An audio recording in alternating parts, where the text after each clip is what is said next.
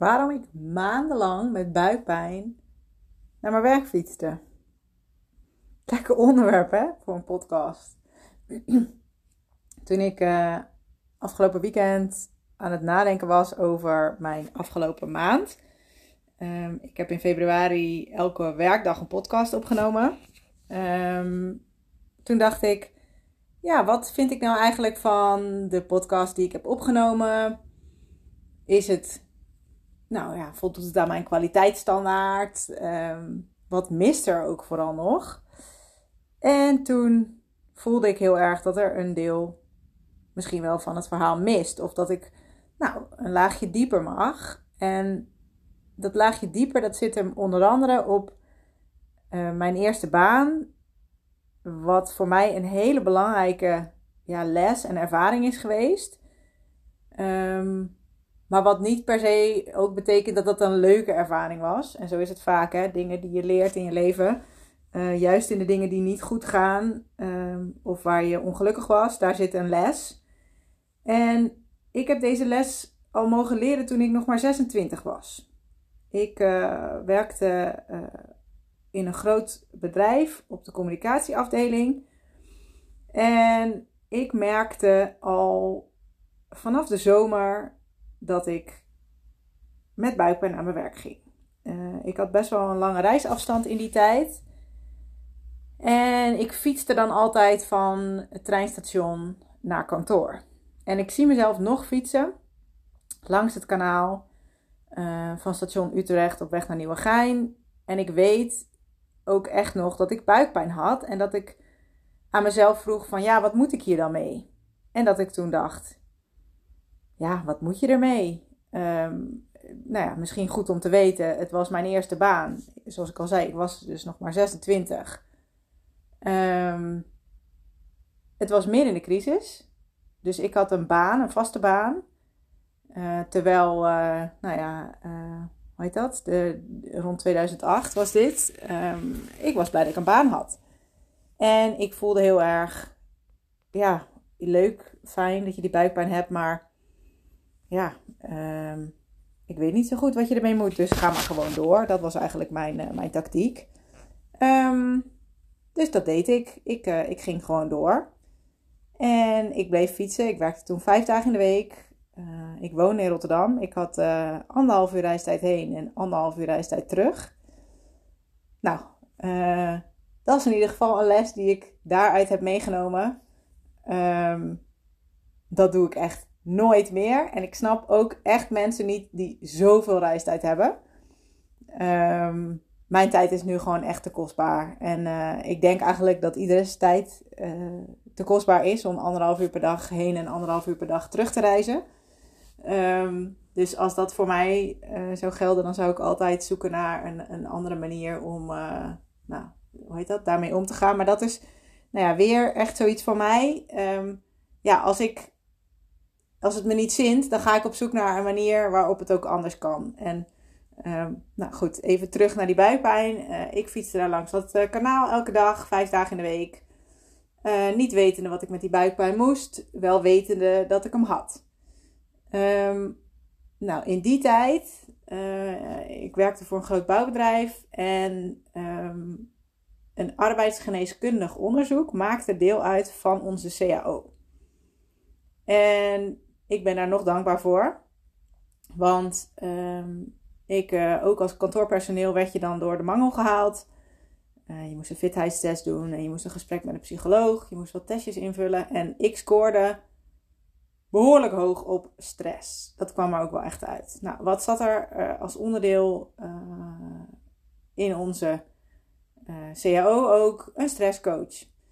Dus dat kreeg ik van de bedrijfsarts aangeboden. Um, nadat ik ergens, ja, dat moet einde zomer geweest zijn. die dat arbeidsgeneeskundig onderzoek had gedaan. En toen dacht ik, ja, Weet je, ik heb die buikpijn nog steeds. Um, ik dacht toen nog, ja, het is geen stress, want ik, ik werk niet te veel. Achteraf denk ik, ik werkte eerder te weinig. Of nou ja, de combinatie met de reistijd. Uh, ik, ik, nou, er waren wat, uh, wat, wat teamdingen daar aan de hand. Um, het was veel en er waren veel dingen waar ik geen energie van kreeg. Uh, die ik dus wel vijf dagen in de week deed. Ehm, dus ik dacht, nou weet je, een coach, dat kan geen kwaad. Laat ik die reddingsboei maar aangrijpen. Dus dat deed ik. Ehm, ik, nou wat, hoe werkte dat? Ja, dan moest ik weer inderdaad voor zo'n intake. En ik, volgens mij, ik was al wel zo slim dat ik een, stresscoach uh, uitkoos. Want ik mocht er dan uit een hele lijst, mocht ik er zelf eentje kiezen. eentje die ook loopbaanadviseur was. Want ik dacht wel, nou, ik weet niet of ik hier wil blijven of, of ergens onbewust zat er al iets dat ik dacht, nou weet je, als ik dan toch zo'n dame uh, mag kiezen, laat me er dan eentje kiezen die ook wel wat weet van loopbaanbegeleiding, want dat zou nog wel eens van pas kunnen komen. Nou, voordat ik de eerste keer bij haar kwam, moest ik een, uh, nog weer zo'n testje invullen. Um, en toen voelde ik wel aan mijn water, oh, oké, okay, ja, allerlei vragen over, uh, je hebt een kort lontje. Um, je bent wel eens wat geprikkeld, je voelt je vaak onrustig. Nou, uh, dat soort vragen. Toen dacht ik wel, oh oké, dat, dat, gaat best wel over mij. Dus um, ik ging voor het eerste gesprek naar die mevrouw toe. Uh, lang verhaal kort. Zij vraagt aan mij, hoe gaat het? Ik zeg, ja hoor, goed. Ik heb net een vast contract. Ik ben hartstikke blij. Oké. En hoe gaat het echt met je? Nou, toen gingen de sluizen open en uh, vanaf dat moment heb ik me uh, ziek gemeld. Um, want zij zei: Je bent helemaal kapot. En ja, dat is dus uiteindelijk het begin van het einde bij die werkgever. Um, en een heel interessant leerproces. Uh, waarin ik een heel aantal weken thuis ben geweest. Waarin ik aan de slag ben gegaan met um, grenzen aanvoelen, grenzen bewaken. Um, en waarin ik ook heb gevoeld dat um, ja, de werkgever waar ik op dat moment zat, dat dat niet meer de werkgever was voor mij. En dat was ook het moment dat er een soort van wensenlijstje ontstond over wat zou ik dan wel willen. Um, want je gaat dan, weet je, je ligt er dan uit en dan moet je op een gegeven moment reïntegreren. Um, en ik dacht echt, ja, toen begon ik eindelijk te voelen. Uh, en ik leerde ook om iets met die gevoelens te doen. Toen dacht ik, ja, maar ik wil helemaal niet weer terug naar deze werkgever. Dit is helemaal niet de plek voor mij. En ik begon ook wel in te zien dat die reistijd toch wel heel fors was. En nou, weet je, ik had geen kinderen nog. Um, op een of andere manier was tijd er toen meer in overvloed. En, en nam je het niet zo nauw met een uurtje, uh, meer of minder. Um, maar toen ontstond er dus een wensenlijstje van werk wat ik dan graag zou willen doen. Um, ik heb toen nog even een zijstap gemaakt om te onderzoeken of mijn droom om in de media- en entertainmentwereld terecht te komen, of dat nog een haalbare kaart was. Um, nou, dat bleek gewoon ook door dat te onderzoeken en gesprekken die ik in die tijd gevoerd heb met allerlei mensen die werkten in de, in de mediawereld, uh, dat dat hem niet werd. En die droom heb ik toen ook losgelaten. Uh, maar ik had wel een, een over. En ja, ik vind het nog steeds echt heel gaaf dat ik uiteindelijk een baan vond um, waar ik begon op het moment dat ik weer volledig gereïntegreerd was. En ik ga even terug, maar volgens mij was het zo dat ik per 1 april officieel uit dienst was. En per 1 april ging ik officieel in dienst bij mijn nieuwe werkgever. Um, en ik had bij die nieuwe werkgever uh, echt alles wat ik op mijn wenslijstje had staan. Ik had nog maar een kwartier reistijd. Ik kon op de fiets naar mijn werk. Ik had jonge collega's wat ik graag wilde. Ik werkte op het snijvlak onderwijsbedrijfsleven. Nou, weet je, om even aan te geven dat vanuit die hele nou ja, nare situatie van overspannenheid en, en burn-out, dat echt bij mij dus iets aanzet van oké, en dan ga ik nu, tuurlijk, ik moest herstellen. Dus ik heb heel veel geslapen. Ik kreeg een dagritme. Ik moest verplicht wandelen. Waren allerlei dingen die echt niet zo leuk waren. En in zo'n tijd gaat het echt twee stappen vooruit, één stap terug. En soms zelfs één stap vooruit en twee stappen terug. Dat is echt niet fijn. Maar ik wist en ik voelde al heel snel: oké, ik heb dit wel nodig gehad. En nog steeds heb ik dit als een soort van basis van dat wil ik nooit meer. En, en vooral ook, hoe wil ik het dan wel? Nou, uh, bij Jink, de werkgever waar ik daarna kwam, had ik alles um, wat ik wilde. Um, en heb ik echt heel erg fijn een aantal jaren ook gewerkt. En natuurlijk liep ik er dan steeds met periodes weer tegenaan dat als het heel druk was, uh, dan viel ik in oude valkuilen. Um, op een gegeven moment werd ik zwanger. Moest ik natuurlijk ook weer opnieuw bepalen van... hé, hey, hoe wil ik dan werken? Ehm, maar voelde ik ook weer van... oké, maar wat heb ik dan nodig? En toen het bij die uh, werkgever was het wel een beetje zo... dat iedereen ongeveer vier dagen bleef werken. En ik voelde heel erg... ja, maar ik wil eigenlijk geen vier, ik wil drie. Dus toen ben ik inderdaad uit drie dagen gaan werken. En nou ja, eigenlijk alles wat ik daar um, uh, ja, in die eerste overspannenheid heb geleerd... dat heb ik daarna toegepast. En dat zegt niet dat het makkelijk was. Want op een gegeven moment in het begin, uh, ook bij, bij Jink, uh, lag ik wakker van dingen en kaart ik dat nog niet aan. In het begin wacht ik twee weken met aankaarten. Op een gegeven moment wacht ik een week met aankaarten. En vlak voordat ik bij Jink wegging, dan lag ik twee nachten wakker. En dan zei ik tegen mijn baas, ik lig wakker van, kan je heel even met me zitten?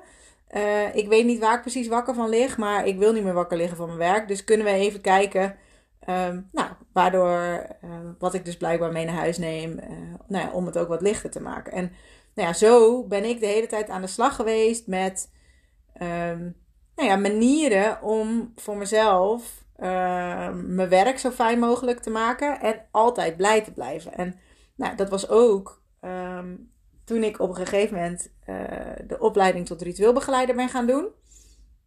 En ik hoop echt dat dit nog een consistent verhaal is. Maar ik, nou, ik, uh, ik, ik, ja, dat hoop ik. Uh, anders moet je het vooral laten weten en dan moet je even een vraag stellen. Um, maar toen ik dus inderdaad heel intuïtief na de geboorte van onze, ons tweede kind. voelde ik heel erg van, oh, ik heb wel zin om weer een opleiding te gaan doen of iets nieuws te gaan doen. En toen kwam op een gegeven moment die opleiding op mijn pad. Um, ja, en die ben ik gaan doen omdat het goed voelde. En ik, ik overdacht ook niet precies van, nou ja, wat betekent dit? En, en ik ging hem gewoon doen en ik dacht, ik zie wel waar het schip strandt. Nou, dat schip dat strandde uh, in die zin dat ik uh, weer op het punt kwam dat ik eigenlijk niet meer sliep. Um, en gelukkig kaartte ik dit al vrij snel aan bij mijn baas. Dat ik zei, joh, weet je, ik lig nu al een aantal nachten uh, wakker. Ik kom niet in slaap. Ik val om 1, 2 uur in slaap. Uh, en om vijf uur word ik wakker en sta ik weer helemaal aan. Uh, dit ga ik niet heel lang volhouden. Um, dus, nou ja, weet je, kunnen we even samen kijken. Nou goed, en toen sprak ik in dezelfde tijd ook een vriendin. En die zei, ja maar Hank, je hebt en een opleiding. En een drukke baan. En uh, jonge kinderen. Ja, ik weet niet hoor, maar is dit hoe je het wil? Want dat is toch wat je zelf altijd zegt. Van ja, regel het zoals je het wilt. Toen dacht ik, ja shit, heeft gelijk ook ja, ze zei: Je bent een dure opleiding aan het doen en die prop je in één dag in de week. Oh ja, shit. Is er een manier voor jou om dat op een andere manier in te richten? Ja, toen dacht ik: Oké, dan is nu het moment gekomen om die baan op te zeggen. Um, want dit is niet meer te combineren. Ik ga zo aan van die opleiding. En, en um, ja, ik sta dus overdag helemaal aan op mijn werk. Ik, uh, ik ben s'avonds met de opleiding bezig. En nou ja, voordat mijn hoofd tot rust is, is het dus twee uur s'nachts. Uh, en om vijf uur s ochtends gaat het alweer aan, omdat ik zo hyper ben van alles wat ik beleef. Nou, dat is dus niet hoe ik het wilde. En wat ik daar ook weer deed, was regie pakken en zorgen dat het op mijn manier ging. Nou, weet je, ik was in de positie om mijn baan op te zeggen um, en toen voor mezelf te gaan beginnen. En um, ja, waarom ik dit met je deel, is ook vooral omdat ik weet dat er veel mensen luisteren die nou, misschien wel naar mij kijken van, oh ja, maar Hanke die heeft alles op orde. En Hanke die, uh, die kan dit. En voor mij is dit niet weggelegd. Of um, ja, ik wil wel voor mezelf beginnen, maar nou, er zit nog weer van alles tussen. Weet je, ik voel heel erg dat ik dit wilde delen, omdat ik geloof dat het echt voor iedereen is weggelegd. En um, jij hebt ook al genoeg meegemaakt in je leven om te weten dat als jij, als de uitvaartwereld nu aan jou trekt, dat je ervoor moet gaan. En dat je het niet meer uit moet stellen. En dat je nodig bent. Um, en natuurlijk zijn er vast allerlei vraagtekens, want je laat iets los waarvan je uh, nou, misschien waar je zekerheid uithaalt, waar je misschien een vast salaris uithaalt. Um, het is spannend, want hey, weet je wel, wat, wat, wat houdt het allemaal in? Um, maar ik moedig je dan echt aan om even los te laten hoe. Dat je het gevoel koestert dat je het wil. Um, ja, want ik ben echt een kei geworden, dus zoals je hoort, in ja, altijd kijken naar van wat kan er en welke opties zijn er nog. Um, en hoe kan ik het laten werken voor mezelf? En dat is ook precies wat ik in de coaching um, met mijn klanten doe. Um, want ik, ik wil nog steeds alleen op mijn voorwaarden werken. En ik wil nog steeds um, s'nachts goed kunnen slapen. Uh, ik wil nog steeds. Nou, ik heb er vandaag een post over gedaan. Ik wil de schoolvakanties vrij. Um, dus dat betekent dat ik mijn omzet moet halen in minder weken. Als ik, uh, want dat is iets van 10 weken vakantie per jaar. Ja, dat betekent dus nogal wat. Nou, weet je, er zijn vast ook dingen, wensen die jij hebt over het ondernemerschap. En waarvan je dan denkt dat je ze in moet leveren. Of waarvan je ze los moet laten. Omdat, nou ja, dat kan niet in ondernemerschap. Of weet je wel, 24-7 bereikbaarheid. Ja, ik heb daar geen zin in. Maar hoe kan ik dan werken in de uitvaartbranche? Nou, weet je, als er dat soort dingen bij jou zijn. Um, en je voelt, ik wil die uitvaartbranche in, maar ik weet niet hoe Stop dan bij ik wil de uitvaartbranche in. Stuur mij een berichtje en we gaan samen kijken wat er voor jou nodig is om die uitvaartbranche in te gaan. En uh, of dat betekent dat je meteen je baan loslaat, of dat dat betekent dat we het in stapjes gaan doen. Um, maar er zijn echt mensen zoals jij en ik nodig om die uitvaartwereld van binnenuit te veranderen en om te laten zien dat het kan op jouw manier. En dat het kan en dat je uh, nou, ook het geld kan verdienen wat je nodig hebt om van te leven. Dat je de vakanties kan doen die je graag wilt doen. Dat je de tijd kan besteden met de mensen die belangrijk voor je zijn. Uh, ik geloof dat het juist ook kan in de uitvaartbranche. En ik wil dat graag laten zien. Kan niet in mijn eentje. Dus ik wil heel graag dat samen met jou doen. En ik wil uh, jou ook ondersteunen in nou ja, het wagen van de sprong. Ik ben er inmiddels aardig bedreven in. Ik ben niet meer zo bang. Uh, maar ik kan me voorstellen dat het voor jou anders is. Uh, en dan ben ik er om je te helpen. Nou, het is volgens mij een van de langste. Dus ik ga er lekker een eind aan breien. Um, ja, ik hoop dat je hier iets aan hebt. En laat me vooral weten. Vind ik leuk. En ehm, ik heb nog geen voornemens voor maart. Um, misschien komen er wel meer. Ik weet niet of het elke dag wordt. Maar nou, weet je, soms door iets los te laten komt er juist weer meer. Um, je ziet het wel. Heel graag tot de volgende podcast.